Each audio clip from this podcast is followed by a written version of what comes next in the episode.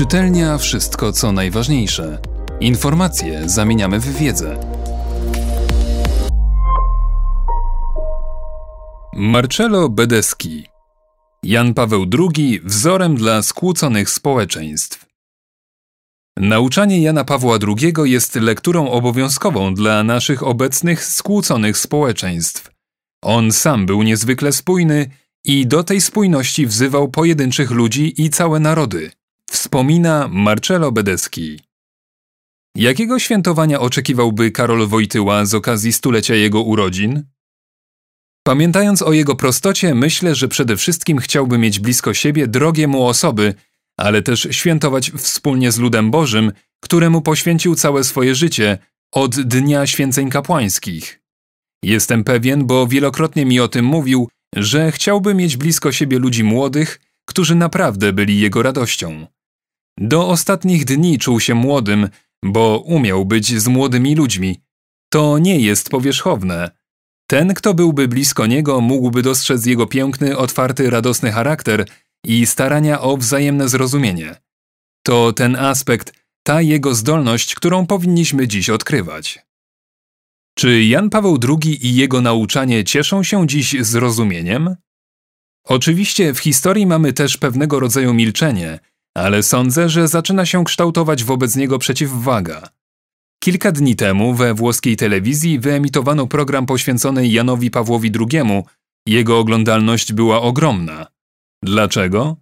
Bo dziś wiele osób uświadamia sobie, że uczestniczyło w historycznych dla świata wydarzeniach. Lata pontyfikatu Jana Pawła II wyryły się w historii ludzkości, a jego wybory duszpasterskie stały się fundamentalne dla wielu kwestii, które my dziś przyjmujemy w Kościele jako oczywiste. Jeśli wydaje się, że do niektórych aspektów jego nauczania i wieloletniego pontyfikatu nie przywiązujemy dziś wagi, to tym bardziej, chociażby słuchając osób, które miały okazję go poznać, powinniśmy starać się poznawać to dziedzictwo. Na szczęście widzę, jak powraca debata na temat tego nauczania, które uformowało nie pokolenia, ale wręcz epokę ludzi.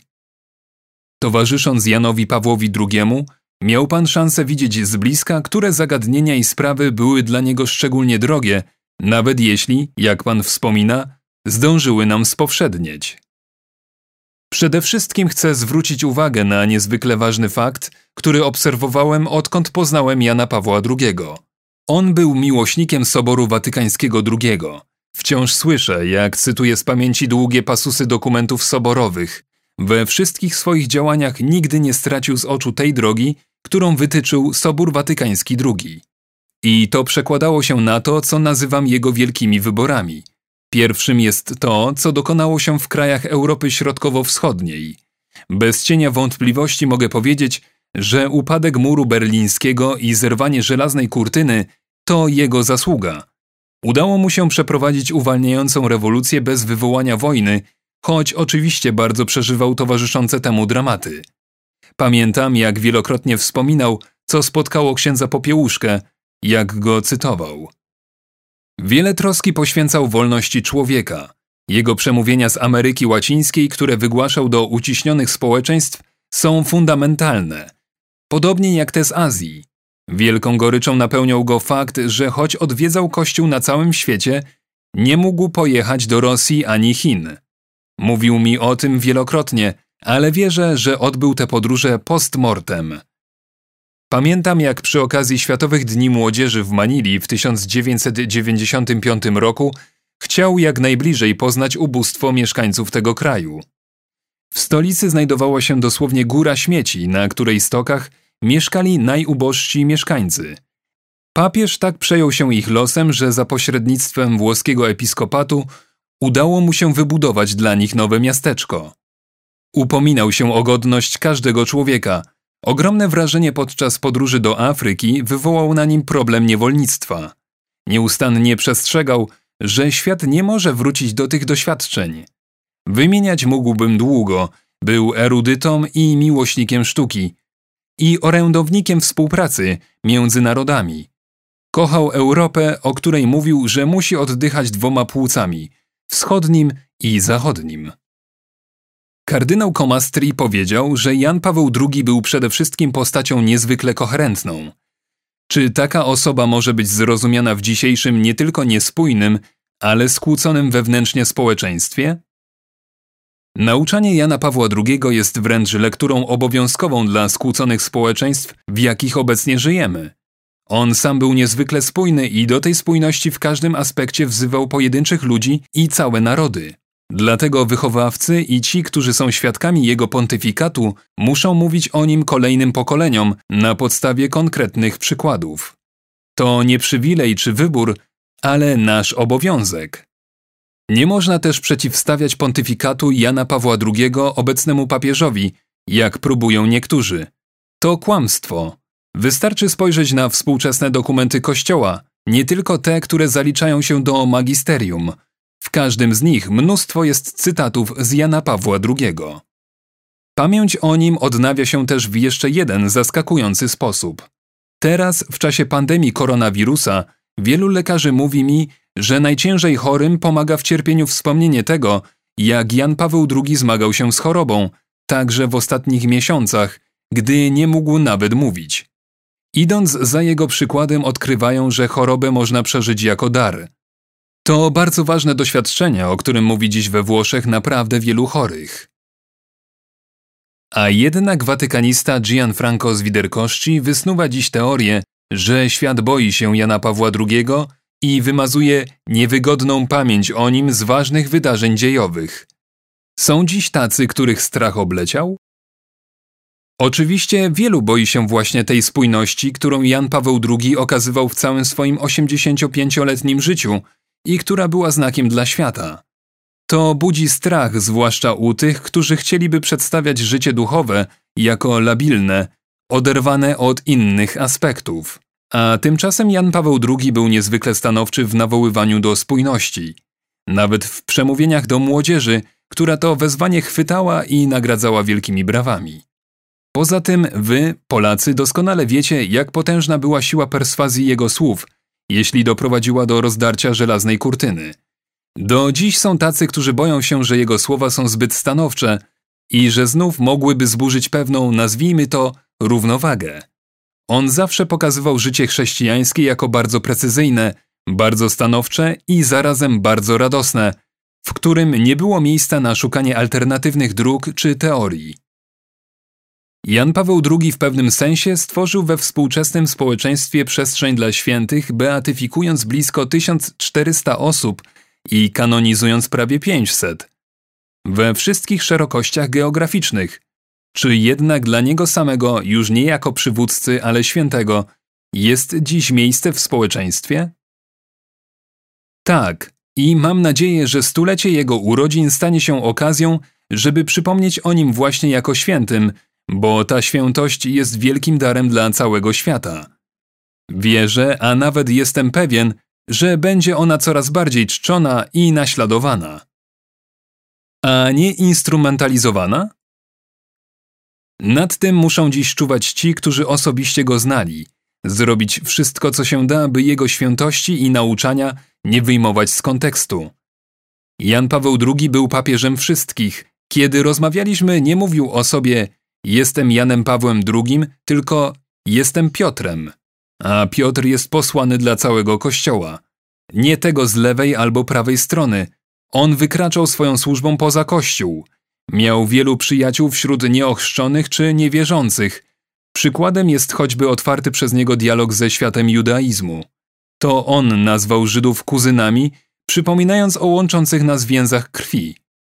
Wręcz walczył przeciwko podziałom między kulturami i wyznaniami, bo z własnych doświadczeń wiedział, że te podziały prowadzą ludzkość do dramatów. Jakie inne walki czy też wyzwania były dla niego szczególnie ważne i jak je przeżywał? także w kontekście oskarżeń o ukrywanie przez niego problemów Kościoła. To wielki dar, że mogłem być blisko Jana Pawła II nie tylko podczas oficjalnych spotkań, ale też kiedy na przykład tylko we dwóch jeździliśmy w góry. Wspominam o tym, bo podczas takich wyjazdów bardzo wiele rozmawialiśmy, a ja przekonywałem się, że jego spójność oznaczała także to, że nigdy niczego nie ukrywał. Był rozważny i uważny, Zarówno w tym, kto się z nim zgadzał, jak i w osobach po przeciwnej stronie widział przede wszystkim człowieka i starał się dogłębnie zrozumieć jego motywację. Ale nigdy niczego nie ukrywał, był jednoznaczny. Przykładem tej postawy jest jego relacja z Alim Akczą. Nawet w przestępcy widział człowieka, którego należy ocalić, i o to człowieczeństwo się troszczył w duchu chrześcijańskiego personalizmu. A kiedy widział, że ktoś próbował go uciszyć, interesował się tą osobą w całym jej złożonym charakterze, starał się poznać jej sytuację i potrzeby. O tej jego postawie należy dziś nie tylko mówić, ale krzyczeć na dachach. To jedna z fundamentalnych cech jego świętości. Zatem personalizm chrześcijański, który Jan Paweł II rozwinął w swoim nauczaniu, był sposobem codziennego patrzenia na drugiego człowieka? Tak, i to nie tylko w stosunku do bliskich mu osób, ale naprawdę tysięcy tych, którzy przewijali się przez pałac apostolski. Nie było dnia, żeby podczas posiłków przy stole nie było z nim gości, a on siadał z nimi, żeby słuchać, pytać, rozmawiać. I ja miałem wielokrotnie okazję siedzieć z nim przy tym stole i byłem zdumiony tym, jak bardzo był on miejscem dialogu i poznawania drugiego człowieka. To nie tak, że Ojciec Święty pytał o coś, a potem to zapominał. Miał niesamowitą pamięć i powracał do tych rozmów. Jednym z najpiękniejszych obiadów, w których sam uczestniczyłem, miał miejsce w Castel Gandolfo dwa dni po zakończeniu SDM w Rzymie w 2000 roku. Jestem pewien, że to podczas rozmów przy tym stole powstał zalążek listu apostolskiego Novo Millenio Ineunte, opublikowanego na zakończenie wielkiego jubileuszu roku 2000. Pamiętam też spotkania bolesne jak po zamachach 11 września 2001 roku. W trudnych czy tragicznych momentach Jan Paweł II najpierw wysłuchiwał, a następnie oddalał się na modlitwę i rozmawiał z Bogiem. Zdarzyło mi się towarzyszyć mu podczas osobistej modlitwy i słyszałem, jak rozmawiał z nim na głos. Miał niezwykły dar dialogowania z Bogiem. W naszej rozmowie często odwołuje się Pan do młodzieży i SDM, którym towarzyszy Pan od samego początku. Jakie znaczenie miały te spotkania dla świętego Jana Pawła II? Przede wszystkim spójrzmy na początek Światowych Dni Młodzieży.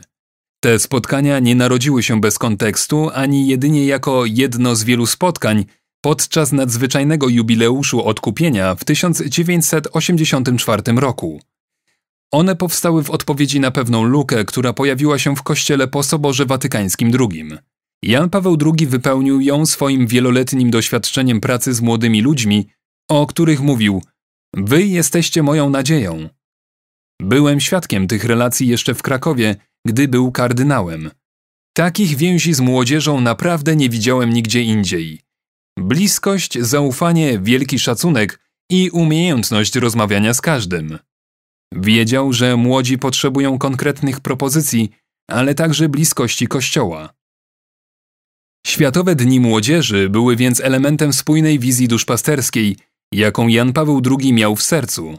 A dlaczego spotkania o wymiarze światowym, a nie tylko te w diecezjach w niedzielę palmową? Dlatego, że chciałby były one świadectwem katolickości, lekcją dla tych, którzy nigdy nie doświadczyli, czym jest Kościół powszechny. W tych spotkaniach jest naprawdę ukryty głęboki zamysł. Jan Paweł II tak opisywał go młodzieży. Ja jestem tylko narzędziem, to sam Chrystus was zwołuje. I zawsze zwracał uwagę na dwa wymiary SDM spotkanie i rozesłanie. Dlatego mówimy dziś o drodze Światowych Dni Młodzieży, a nie o pojedynczych wydarzeniach.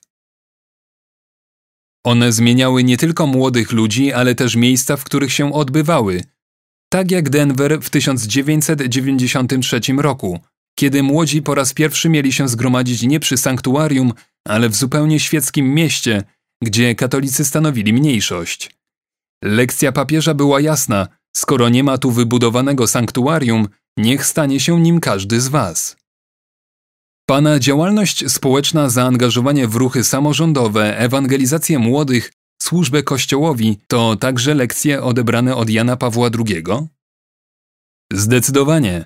Nie ma dnia, w którym bym nie wracał myślami do wszystkiego, czego nauczyłem się od Jana Pawła II i z nim nie rozmawiał. Także dlatego, że jako młody człowiek byłem świadkiem trwającego Soboru Watykańskiego II, a Jan Paweł II zaprosił mnie na drogi, które ów sobór wytyczył. Także wy, Polacy, musicie mieć świadomość, jak wiele otrzymaliście dzięki Janowi Pawłowi II, ale też pamiętać, że to wy daliście go światu. On sam, choć stał się papieżem i świętym dla całego Kościoła, został zapamiętany także jako Polak. A o Polsce mówił z wielką delikatnością, ukazując jej piękno i to, co pozytywne. Polacy powinni mieć tego świadomość i wciąż na nowo go odkrywać. Dziękuję za rozmowę. Rozmawiała Dorota Abdelmula. Czytelnia Wszystko co najważniejsze. Czytał Mateusz Mleczko.